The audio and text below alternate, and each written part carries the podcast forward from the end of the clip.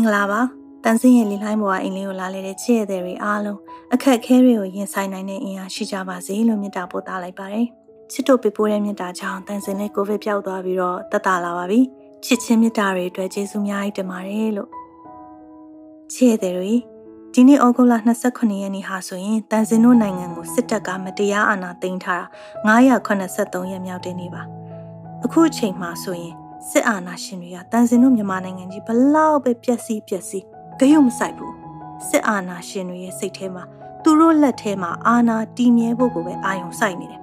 အဲ့ဒီအတွက်သူတို့ကိုစန့်ကျင်တဲ့သူတွေကိုရသလောက်အကုန်တတ်မယ်ဘလို့လူမဆန်တဲ့နီးမျိုးဖြစ်ပါစေသုံးမယ်သူတို့ရဲ့တောက်တိုင်လှုပ်ပေးမဲ့သူတွေကိုဆက်ပြီးချုပ်ကင်ဖို့ကိုပဲအားထည့်နေပါလိမ့်မယ်စစ်ကောင်စီနဲ့အပေါင်းပါတွေဟာကိုချင်းစာတရားနဲ့ဂုံတိတ်ခါဆိုတာအာနာလောက်မချိုဘူးလို့ပြန်ပြောမဲ့သူတွေလေ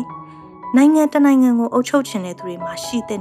မျိုးချစ်စိတ်နိုင်ငံချစ်စိတ်ဆိုတာလေပါဇက်ကသာပြောနေတာလက်တွေ့လုပ်တဲ့အလုပ်ကလေကိုနိုင်ငံကိုလူမျိုးတွေကိုတပ်ဖြတ်ဒုက္ခပေးတာပဲမြင်ရတယ်။ FOMC ရဲ့ Facebook စာမျက်နှာမှာတင်ထားတဲ့အောင်ခိုင်မြတ်ရဲ့ကြပြလေးကိုတော့သတိရမိတယ်။မောင်လေးကျော်တီဟာဖတ်ပြပေးထားတာကိုနားထောင်ကြည့်နော်။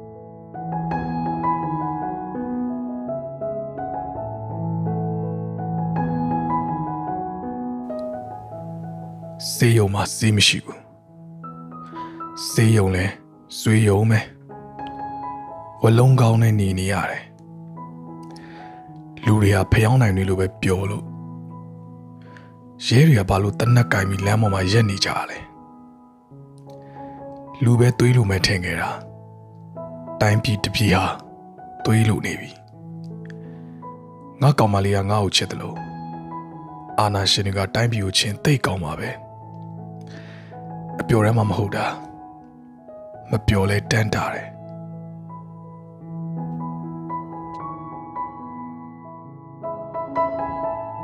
စစ်အာဏာရှင်တွေကသူတို့ဘက်ကပြောသလိုတကယ်ပဲနိုင်ငံကိုချစ်တယ်ဆိုရင်ပြည်သူတွေတန်းနဲ့ချီပြီးတော့အေးအေးဆေးဆေးဆန္ဒပြတောင်းဆိုကြရသူတို့လောက်ပုံကိုင်းမှုမှားနေပြီဆိုတာကိုသတိပြုမိနေလောက်ပြီအာဏာပြန်ပေးနေလောက်ပြီတိုင်းပြည်လည်းဒီလောက်ထိသွေးမြေကြပြီးတော့သွေးလုံနေမှာမဟုတ်ဘူး စစ်တပ်ကအာဏာသိမ်းတာချင်းအတူတူတော့ထိုင်းမှာဆိုလို့ရှိရင်အာနာသိမ်းထားပြီးတော့ဝင်ကြီးချုပ်လုပ်နေတဲ့စစ်တပ်အကြီးအကဲဟောင်းပရာယွတ်ချန်ကိုခြာတော့မှလေထိုင်းဖွဲ့စည်းပုံအခြေခံဥပဒေဆိုင်ရာတရားရုံးကတရားဝင်တာဝန်ထမ်းဆောင်မှုကိုယာယီဆိုင်းငံ့ထားဖို့ဆုံးဖြတ်လို့ရှိရင်လိုက်နာသေးတယ်မြန်မာပြည်ကစစ်အာဏာရှင်တွေကတော့ပြည်သူအတန်ကိုရောဥပဒေလုံထုံးလုံကြီးအားလုံးကိုပါမျက်ကွယ်ပြုထားတယ်နိုင်ငံတကာအတိုင်းဝိုင်းမှာအားလုံးချင်ပတ်ဖြစ်ပြီးတော့အပေခံရတဲ့အခြေအနေကိုလည်းရှက်ရကောင်းမှန်နာရကောင်းမှန်မသိဘူး အာဆီယံတို့ UN တို့ကိုလည်းသူတို့ရဲ့နိုင်ငံရေးအမြတ်ထုတ်ဖို့လောက်ပဲစဉ်းစားတာနောက်ပြီးစစ်ကောင်စီကသူ့အရင်သူ့ရှေ့ကစစ်အာဏာရှင်ဆရာဆရာကြီးတွေရဲ့ဩဝါဒတွေလမ်းပြပေးထားတာတွေကိုလည်းအလင်းမထားပါဘူးသူ့ဆရာကြီးတွေကနှစ်ပေါင်းများစွာတေချာတွက်ချက်အချင်းယူပြီးတော့စစ်တပ်ကတသက်လုံးနိုင်ငံရေးမှာအုပ်စိုးလို့ရတဲ့2008အခြေခံဥပဒေကိုရေးပေးခဲ့တယ်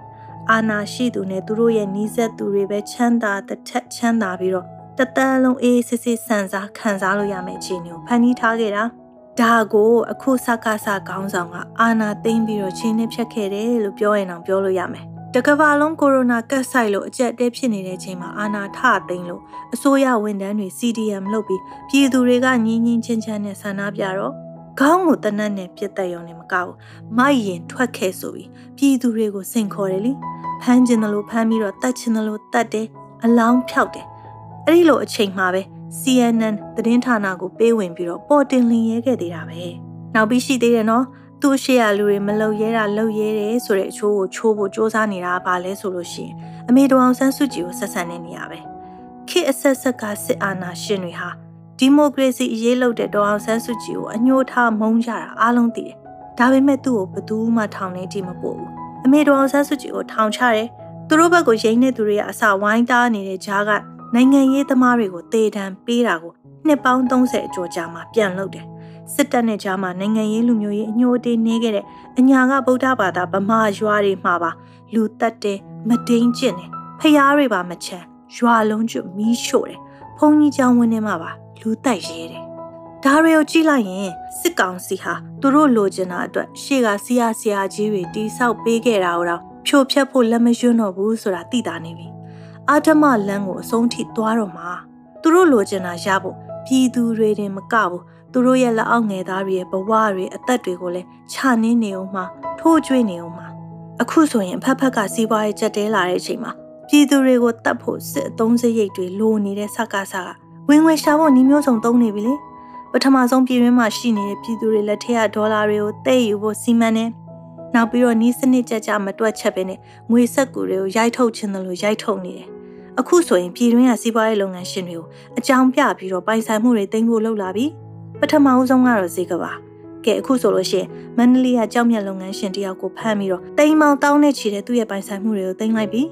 တည်င်းတွေထဲမှာဖတ်ရတာတော့အဲ့ဒီကြောက်မြတ်လုပ်ငန်းရှင်ဦးကျော်သူရကနိုင်ငံရေးစကားပြောလဲမပြောဘူးဘယ်အစိုးရတက်တက်သူ့ကြောက်မြတ်လုပ်ငန်းကိုပဲအာယုံစိုက်နေတဲ့သူတဲ့အဲ့ဒီလိုလူကိုဖမ်းသွားပြီးတော့ပိုင်ဆိုင်သမျှကိုတင်လိုက်တာကိုတွေ့ရတော့တန်စင်တတိထားမိတာတခုရှိရသီလား အခုမြန်မာပြည်မှာလေစင်းရဲချမ်းသာမရွေးစစ်ကောင်စီနဲ့နီးနီးဝေးဝေးအန်ရီကတော့ရှိနေပြီစစ်အာဏာရှင်တွေကဥပဒေပေါ်မှာခွာထိုင်ပြီးတော့စိတ်ထင်တယ်လို့အုပ်ချုပ်နေသေးလို့ကတော့အမလီအချိန်မရွေးနော်ကိုကျော်သူရလိုပဲလူတိုင်းဒုက္ခရောက်နိုင်တယ်ဒါအသေးချနေပြီစစ်အာဏာရှင်တွေကပတ်စံချမ်းသာတဲ့သူတွေကိုသူတို့ရဲ့ငွေတွင်းလို့လို့ငွေဝင်ပေါက်လို့လို့အတုံးချရကြတယ်လေအတုံးချပြီးမလို့တော့ရင်စွန့်မယ်ဒီတော့ ငွေကြေးရှိပြီးတော့ဟိုလိုလိုဒီလိုလိုလုပ်နေတဲ့သူတွေအမြင်မှန်ရဖို့လိုတဲ့အချိန်ကိုရောက်နေပြီနော်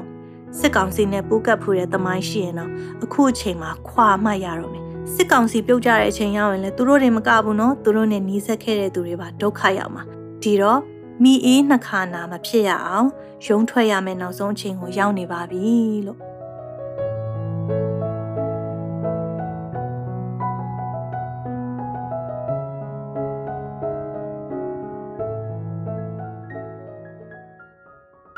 ရတဲ့တွေ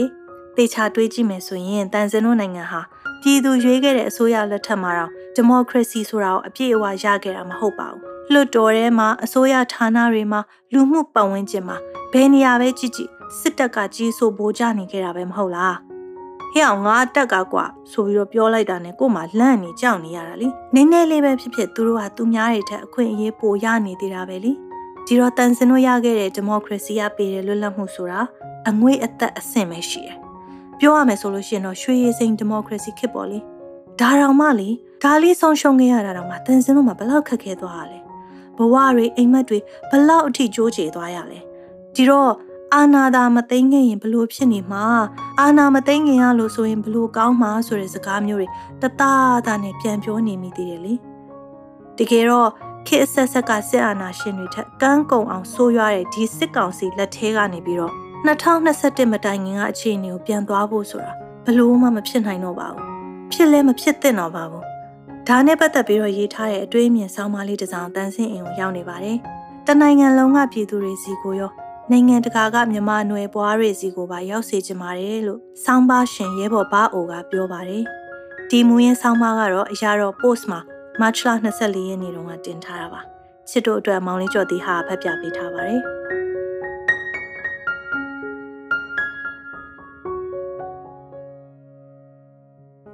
လက်ခုပ်တီးမဲ့လက်ဖွားတွေအစား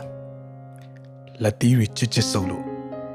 ရှန်သူကိုပြိုင်တူထိုးနှက်ကြစို့ရဲပေါ်ပါအိုမင်းအောင်လိုက်အာနာမယူခဲ့ရင်ကွာအခုချိန်ငါလုပ်ငန်းတွေအဆင်ပြေနေပြီကွာဟဲ့အောင် အေးမင်းအောင်လိုက်အာနာမယူခဲ့ရင်အခုချိန်ငါမိမယူနေပြီကွာဟုတ်ပါတယ်မင်းအောင်လိုက်သာအာနာမသိမ်းခဲ့ရင်ဆိုတဲ့အစချီတယ်အကယ်၍များ what if what if စကားတွေပြောလို့ရှိကြတာ social media တွေမှာအများပြတွေ့ဘူးကြမှာပါပဲအခုနားထောင်နေတဲ့သူတွေကိုယ်တိုင်ပြောရင်ပြောခင်မိလေးကြမှာပါမင်းအောင်လည်းအာနာလူခဲ့တာကြောင့်လူလူအုံကြွားမှုကြီးပေါ်ပေါက်လာခဲ့တယ် ຫນွေဦးအရေးတော်ပုံကြီးပေါ်ပေါက်လာခဲ့တယ်ဒါပေမဲ့စင်စင်အားဖြင့်ကမင်းအောင်လိုင်းနဲ့စစ်တပ်က2021ခုနှစ်မှာပြည်သူလက်ထက်အာဏာကိုလူယူလိုက်တာမဟုတ်ဘဲနဲ့ပြည်သူကိုခဏချကြွေးတာတဲ့ဒီမိုကရေစီအမည်ကိုပြန်လဲသိမ်းယူလိုက်ခြင်းသာဖြစ်ပါတယ်ပြည်သူလူထုတရက်လုံးသာဒီထက်နည်းနည်းကြကြမြည်ဆန်းခွင့်ရခဲ့မယ်ဆိုရင်ဒီမိုကရေစီအရသာစစ်ကိုတောင်းဆိုလာမှာသူတို့တိတ်ကြောက်တဲ့အတွက် ပြန်လဲသိမ်းယူလိုက်ခြင်းသာဖြစ်ပါတယ်ကျွန်တော်တပိတ်စစ်ကြောင်းတွေမှာပြည်သူအာဏာပြည်သူပြန်ပေးလို့ဟစ်ကြွေးခဲ့ကြပေမဲ့တကယ်တမ်း2008ဖွဲ့စည်းပုံစာအုပ်အစိမ်းကြီးအသက်ဝင်နေသည်ပြည်သူအာဏာကပြည်သူလက်ထက်မှာဘယ်တုန်းမှအပြေအဝရှိခဲ့မှာမဟုတ်ပါဘူး2020ရွေးကောက်ပွဲအထိစစ်တပ်ပြီးသလောက်အာဏာကိုသာပြည်သူတွေကရခဲ့ကြတာပါ စစ်တပ်ကအမြင့်ကျွေးတဲ့ဒီမိုကရေစီအတုမှာကျွန်တော်တို့ကရင်မှုတာယာပြီးတော့လွတ်မြောက်ရေးတိုက်ပွဲခရီးအရှိကြီးကိုဆင်နွှဲခဲ့တဲ့တိုင်းသားညီကိုမောင်နှမတွေကိုဗမာပြည်ကအများစုအနေနဲ့မျက်နှာလွှဲယုံမကစော်ကားခဲ့မိကြပါသေးတယ်ဖက်ဒရယ်ရေးတန်တူညီမျှရေးလူမျိုးစုအရေးအစရှိတာတွေကိုဒီဇိုင်းမမက်နဲ့လှုပ်ဆောင်ခဲ့ကြတဲ့အင်အားစုအချို့ကသာတိုင်းသားပြည်သူတွေနဲ့အတူရပ်တည်ခဲ့ကြတယ်။ ဒါပေမဲ့စစ်တပ်ကပေးသလောက်ပြည်သူအာဏာအောက်မှာမှန်ရာကိုထုတ်ဖော်ခဲ့တဲ့သူတွေအတွက်လူလူထောက်ခံမှုမရရုံမကစစ်တပ်နဲ့ပြည်သူအစိုးရဖိနှိပ်မှုကိုပါခါးစီးခံခဲ့ရတယ်။အစောဆုံးဘဝတွေရင်းနှီးခဲ့ကြရတယ်ဥကိုနီနဲ့ဟန်တာဝရီဦးဝင်းတင်တို့လိုစစ်တပ်ကကြောက်ရွံ့နေတဲ့သူတွေဒီမိုကရေစီပညာရေးအတွက်ရခိုင်အရေးအတွက် ဆန္ဒထုတ်ပေါ်လို့ရိုက်နှက်ဖန်ဆီးပြီးထောင်ချခံခဲ့ရတဲ့ចောင်းသားတွေလိုအမှန်တရားအတွက်အာခံရတဲ့သူတွေပွားများလာမှာကိုစစ်အုပ်စုကအလွန်စိုးရင်ခဲ့ကြပါတယ်ဒီမိုကရေစီတဝက်တစ်ပြက်ပြည်သူအစိုးရလက်ထက်မှာပုံမတိုးတက်လာတဲ့စနစ်တချို့ကြောင့်မျိုးဆက်တော်တော်များများကအသီးပွင့်နေမြင်လာခဲ့ကြတယ်ပြဿနာအရင်းမြစ်ကိုမြင်လာကြတယ်ရှမ်းသူအစ်စ်ကိုမြင်လာကြတယ်အဲဒါကြောင့် ਨੇ ခုံနဲ့ခွက်ပြောက်မှာကြောက်ပြီးတော့ပုံမှုစောက်တီရမယ်ဖြစ်လာတဲ့စစ်တပ်ကမင်းအောင်လိုင်လိုလူရဲ့လက်ထက်မှာ၎င်းတို့အကျွမ်းကျင်ဆုံးအလုပ်ဖြစ်တဲ့အာနာသိန်းချင်းကိုပဲပြန်လဲလှုပ်ဆောင်လိုက်ပါတော့တယ်ဟုတ်ပါတယ်ဒီဆောင်မအစလိုပဲအာနာမသိန်းခဲ့ရင်ဆိုတဲ့အစချီတဲ့အကယ်၍များ what if တရားတကယ်တော့မမှန်ကန်ပါဘူးငိမ့်ချမ်းရေးကိုကြမှာကိုဖန်တီးရေး တာရူညီမျှရေးစတာတွေအတွက်နှစ်ပေါင်းများစွာလက်နက်ကင်တိုက်ပွဲဝင်ခဲ့ကြတဲ့တိုင်းရင်းသားတွေအတွက်ကတော့2021မှာစစ်တပ်ကအာဏာသိမ်းခဲ့သည်ဖြစ်စေမသိမ်းခဲ့သည်ဖြစ်စေ၎င်းတို့ရဲ့ရည်ရွယ်ဥတီယာအန်နီမာပန်းနိုင်အတွက်ကတော့ဆက်လက်တိုက်ခိုက်တိုက်ပွဲဝင်နေကြရအောင်ပါပဲအာဏာသိမ်းလိုက်တာကြောင့်ပြည်သူလူထုတရက်လုံးပါဝင်ခဲ့တဲ့အရေးတော်ပုံကြီးထွက်ပေါ်လာတာပြည်သူအကျိုးမြတ်ပါပဲအပေါ်မှာကျွန်တော်ပြောခဲ့သလိုပဲ ရန်သူစစ်ကိုမြင်ပြီးသူတွေအမှန်တရားအတွက်အာခံမဲ့သူတွေတစတစပုံများမလာစေဖို့စစ်တပ်ကအာဏာသိမ်းလိုက်ပေမဲ့ပြည်သူလူထုတရက်လုံးကပါရန်သူအစ်စ်ကိုကွက်ကွက်ကွက်ကွင်းမြင်သွားပါတော့တယ်ဒါပေမဲ့စစ်တပ်ကနှစ်ပေါင်းများစွာခင်းချင်းပြင်ဆင်ထားတဲ့မဟာလူမျိုးကြီးဝါဒဘာသာကြီးဝါဒပါတီကြီးဝါဒတွေဟာအခုချိန်ထိတချို့လူတွေမှာအမြင့်တွင်နေသေးပါပဲ ကျွန်တော်တို့ကြီးရဲ့တိုက်ပွဲဝင်နေဒီမှာလဲမင်းအောင်လည်းအာနာမသိမ့်ခဲ့ရင်ဆိုတဲ့အခြေအနေကိုမဟုတ်ပဲနဲ့တတိုင်းပြည်လုံးစစ်ဖက်နဲ့အောက်ကနေလွတ်မြောက်ရေးဖက်ဒရယ်အရေးနဲ့နောက်ဆုံးအဆင့်ငြိမ်းချမ်းရေးတို့ထိကိုရည်ရွယ်ချိန်ရွယ်ထားတာဖြစ်ပါတယ်လူတို့တပိတ်တိုက်ပွဲတွေကနေလက်နက်ကင်တော်လန်ရေးအသွင်ပြောင်းလာတာအခုဆိုရင်တနစ်ကျော်တဲ့အချိန်မှာရေးတော်ပုံအစကတင်းတင်းဆုပ်ထားတဲ့လက်သီးစုပ်တချို့ဟာလည်းပြေကုန်ကြတယ်လက်နက်ကင်ပြီးတိုက်ပွဲဝင်နေတဲ့ရဲဘော်တွေနဲ့ တပိတ်တိုက်ပွဲဆင်နွှဲနေတဲ့တပိတ်အင်အားစုတွေကတတ်တက်ဘေးကနေလက်ခုပ်တီးပြီးအမောပြေရေချမ်းတိုက်မယ်ဆိုတဲ့ပြည်သူတွေကတတ်တက်ဖြစ်သွားတာညင်းလို့မရပါဘူးလက်သီးဆုပ်ပြီးရန်သူကိုထိုးနှက်မဲ့လက်တွေကနေပြီးတော့လက်ခုပ်လက်ဝါးတီးပြီးအားပေးယုံမဲ့အားပေးမဲ့လက်တွေဖြစ်ကုန်တာတော်လန်ရေးအခက်စစ်အုပ်စုအချက်ဖြစ်ပါတယ်ပြည်သူလူထုတရက်လုံးကရန်သူအစ်စ်ကိုမြင်လာပေမဲ့စစ်မိတ်စာတွေရဲ့ရက်ဆက်ကြမ်းကြုတ်မှုကိုလည်း နှစ်ဖူးတွေဒူးတွေမြင်လာတဲ့အတွက်ကြောင့်အကြောက်တရားကပြန်လည်ကြီးစိုးလာပါတော့တယ်တိုင်းသားလူမျိုးစုဒေသတွေမှာဝဲခဲ့ကျဲခဲ့ကြတဲ့တိုက်လေရင်တွေအညာမြေပြန့်ကမြို့တွေထိရောက်ရှိလာတယ်ပေါက်ကွဲတံတွေပြက်ခတ်တံတွေနားရင်လာခဲ့ကြတယ်တနက်တန်တစ်ချက်နဲ့တစ်ချက်ကြာမှမောင်းပြန်လို့တိတ်ဆိတ်သွားတဲ့အချိန်လေးကိုငိမ့်ချမ်းရင်လို့ထင်လာကြတယ်အကြီးတော်ပုံအောင်ရမည်လို့တော့တချို့ကမဟေ့ကြွေးကြတော့ပဲနဲ့တချို့ကလည်း အရေးတော်ပုံအောင်နေပြီလို့ပြောကြပြန်တယ်စစ်ကောင်စီရဲ့ဖိနှိပ်မှုကအရင်ထက်လျော့ပါသွားတာမဟုတ်ပါဘူးပိုလို့ပိုလို့တိုးလာနေတာဖြစ်ပါတယ်သူတို့အုပ်ချုပ်မှုကိုမခံလို့တဲ့ပြည်သူတရက်လုံးကိုရန်သူလိုသဘောထားပြီးရရဆက်ဆက်ကိုချိန်မုံနေတာဖြစ်ပါတယ်အာနာသိန်းစားလိုပဲအခုလဲလမ်းပေါ်မှာအပြစ်မဲ့ပြည်သူတွေကိုစစ်တပ်ကတစ်ဖက်သက်ရန်ကာတပ်ဖြတ်နေတော့မှာပဲအဲ့ဒီအချိန်တုန်းကနာကျင်ခံစားရတယ်လို့ ပြန်လဲနာကျင်တတ်ဖို့လဲလိုပါပြီအရေးတော်ပုံတကယ်အောင်မှုအတွက်ဆိုရင်ပြန်ကားသွားတဲ့လက်ဖွားတွေကိုကြစ်ကြစ်ပါအောင်ပြန်ဆုပ်ဖို့ပြည်သူတရလုံးပြန်လဲအုံကြွပြီးရန်သူကိုထိုးနှက်ကြဖို့လိုအပ်ပါပြီတိုက်ပွဲရှင်အောင်ပွဲရမှာဖြစ်လို့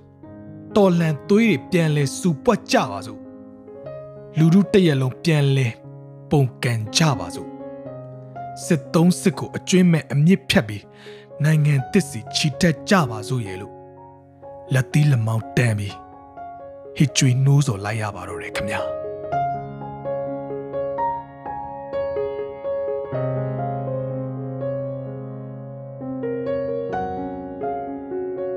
ချစ်ရတဲ့တွေစကိုင်းတိုင်းအရာတော်မှာအင်တာနက်ဖြတ်ခံထားရတာတစ်နှစ်ပြည့်တော့မယ်ဆိုတာသိကြလားယင်စစ်ကောင်စီကိုအပုံကန်ဆုံးအထီအနာစေဆုံးဒေသလို့ပြောလို့ရမယ်စကိုင်းတိုင်းအရာတော်ကိုစစ်ကောင်စီကလည်းအညှိုးကြီးကြီးနဲ့တိုက်ခိုက်နေသေးပါ ဒီလိုအခက်ခဲတွေကြားရကနေမြေပြင်ရဲဘော်လေးရဲဘော်ဘာအိုကဟစ်ကြွေးလိုက်တဲ့နှိုးစော်တန်ကိုကြားပြီးအဆုံးသက်တိုက်ပွဲအတူတူနှွှဲကြရအောင်နော်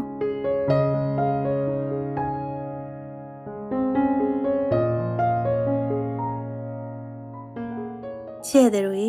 ရန်သူကတော့ရန်သူပြီးပြီးအရက်ဆက်ဆုံးနဲ့လမ်းဆုံးအထိသွားဖို့ဆုံးဖြတ်ပေးပါပြီဒါဟာသူတို့ကိုအပိသက်ဖြိုလှဲဖို့လမ်းပွင့်သွားတာပါပဲ ဒီတော့တန်စင်တို့ကဒီအခွင့်အရေးကိုလက်လွတ်မခံမဲနဲ့ခံနိုင်ရည်နဲ့အားထုတ်မှုကိုလက်နက်အဖြစ်နဲ့သုံးပြီးတော့နိုင်အောင်တိုက်ယူရပါမယ်အခုအချိန်မှာဘယ်ကမှအကျွေးမဲ့ကဲတင်ရှင်ဆိုတာရောက်လာမှာမဟုတ်ပါဘူးအောင်မြင်မှုဆိုတာကိုကိုယ့်လက်နဲ့ကိုရအောင်ယူမရမယ်အခြေအနေပါရှင်းရှင်းပြောရမယ်ဆိုရင်ကိုယ်နိုင်ငံကောင်းစေခြင်းရင်ကိုယ်တိုင်ကောင်းအောင်လုပ်မှရမှာပါအာနာရှင်လက်ကလွတ်ချင်အာနာရှင်ကိုကိုယ်တိုင်တော်လှန်မှရမှာပါ ထိုင်ဆူတောင်းနေုံနဲ့မရသလိုလိုင်းပေါ်မှာငိုပြဆွေးပြနေုံနဲ့ဒီဒုက္ခကမလွတ်နိုင်ပါဘူးချစ်တို့ရင်အမေရိကန်နိုင်ငံရဲ့35ရောက်မြောက်သမ္မတ John F Kennedy ကသူ့သမ္မတကျန်းကျင်ပွဲမိန့်ခွန်းထဲမှာထည့်ပြောခဲ့တဲ့သမိုင်းဝင်စကားတစ်ခုရှိပါတယ်အဲ့ဒါကတော့ Ask not what your country can do for you ask what you can do for your country ခမ ्या တို့တိုင်းပြည်စီကဘာရနိုင်မလဲမျှော်မနေနဲ့ခမ ्या တို့ကတိုင်းပြည်အတွက်ဘာလုပ်ပေးနိုင်မလဲသာစဉ်းစားတဲ့ ဒီစကားဟာဒီမိုကရေစီထွန်းကားတဲ့နိုင်ငံကြီးကခေါင်းဆောင်တစ်ယောက်ကဒီမိုကရေစီရေချိန်မြင့်တဲ့သူ့နိုင်ငံသားတွေကိုပြောခဲ့တဲ့စကားဖြစ်လို့ပို့ပြီးတော့တန်ဖိုးရှိတယ်လို့တန်စင်ထင်မိတယ်။ပြည်သူကရွေးထားတဲ့သမရတစ်ယောက်ကသူ့အလုပ်ဆလုပ်တဲ့နေ့မှာပြောတဲ့ကျန်းချိန်မိန်ကွန်းမှာသူဘလို့တာဝန်ထမ်းဆောင်မယ်ဆိုတာပြည်သူတွေကိုဘလို့ကတိတွေပေးတယ်ဆိုတာပဲပြောတာများတယ်။သမရကန်နဒီကတော့အဲ့ဒီလိုကတိပေးတာတွေအပြင်သူ့ပြည်သူတွေကိုလည်းတိုင်းပြည်ကောင်းကျိုးအတွက်တနည်းနည်းနဲ့ပါဝင်မှုစိန်ခေါ်ခဲ့တယ်၊လှုံ့ဆော်ခဲ့တယ်။ အမေရိကလိုဒီမိုကရေစီထွန်းကားပြီးတော့ချမ်းသာတဲ့နိုင်ငံမျိုးမှာတော့အစိုးရကိုပဲထိုင်အားကိုးနေအပြစ်တင်နေလို့မရဘူးပြည်သူအလုံးကနှီးပေါင်းစုံနဲ့လှုပ်အားစိုက်ထုတ်ဖို့လဲမရှိမဖြစ်လို့အပ်တယ်ဆိုတာကိုဒီသမိုင်းဝင်စကားကတက်တည်ပြနေတာပဲလေအခုအချိန်မှာဒီစကားကိုတန်စင်တို့လည်းနှလုံးသွင်းထားတဲ့နယ်လို့ထင်တယ်ဘသူလာချပေးမလဲဘရော့ပြီးမှလဲဆိုတာတွေကိုမေးခွန်းထုတ်မနေပဲနဲ့ဘလို့လှုပ်ကြမလဲဆိုတာနီလန်းရှာရမယ်လှုပ်ရမယ်စိတ်မကောင်းဖြစ်တာနဲ့ပဲရက်မနေပဲနဲ့ အဖြစ်ဆိုးတွေထပ်မဖြစ်အောင်ဘယ်လိုလုပ်မလဲဆိုတာစဉ်းစားရမယ်။တန်ဆင်းရဲ့ချစ်ရတဲ့တွေရောမြမပြေအတွက်ဘာတွေလုပ်ပေးနေကြလဲ။ဒီနေ့အတွက်ရောကလစ်ပေးကြပြီလား။ရံမုံငွေထည့်ပေးကြပြီလား။သတင်းပို့ပေးကြပြီလား။တိုင်းပြည်အတွက်ငါတို့ဘယ်လောက်လုပ်ပေးနေတယ်ဆိုတာတန်ဆင်းစီကိုလာကြွားလို့ရတယ်နော်။ကဲချစ်တို့ရေဒီနေ့တော့ဒီမှာပဲနှုတ်ဆက်လိုက်ပါတော့မယ်။နောက်ပတ်ကြမှာတန်ဆင်းရင်မှပြန်ဆုံးမယ်နော်။ပြန်မဆုံးနိုင်သေးခင်အာတင်ထားကြမယ်နော်။တတား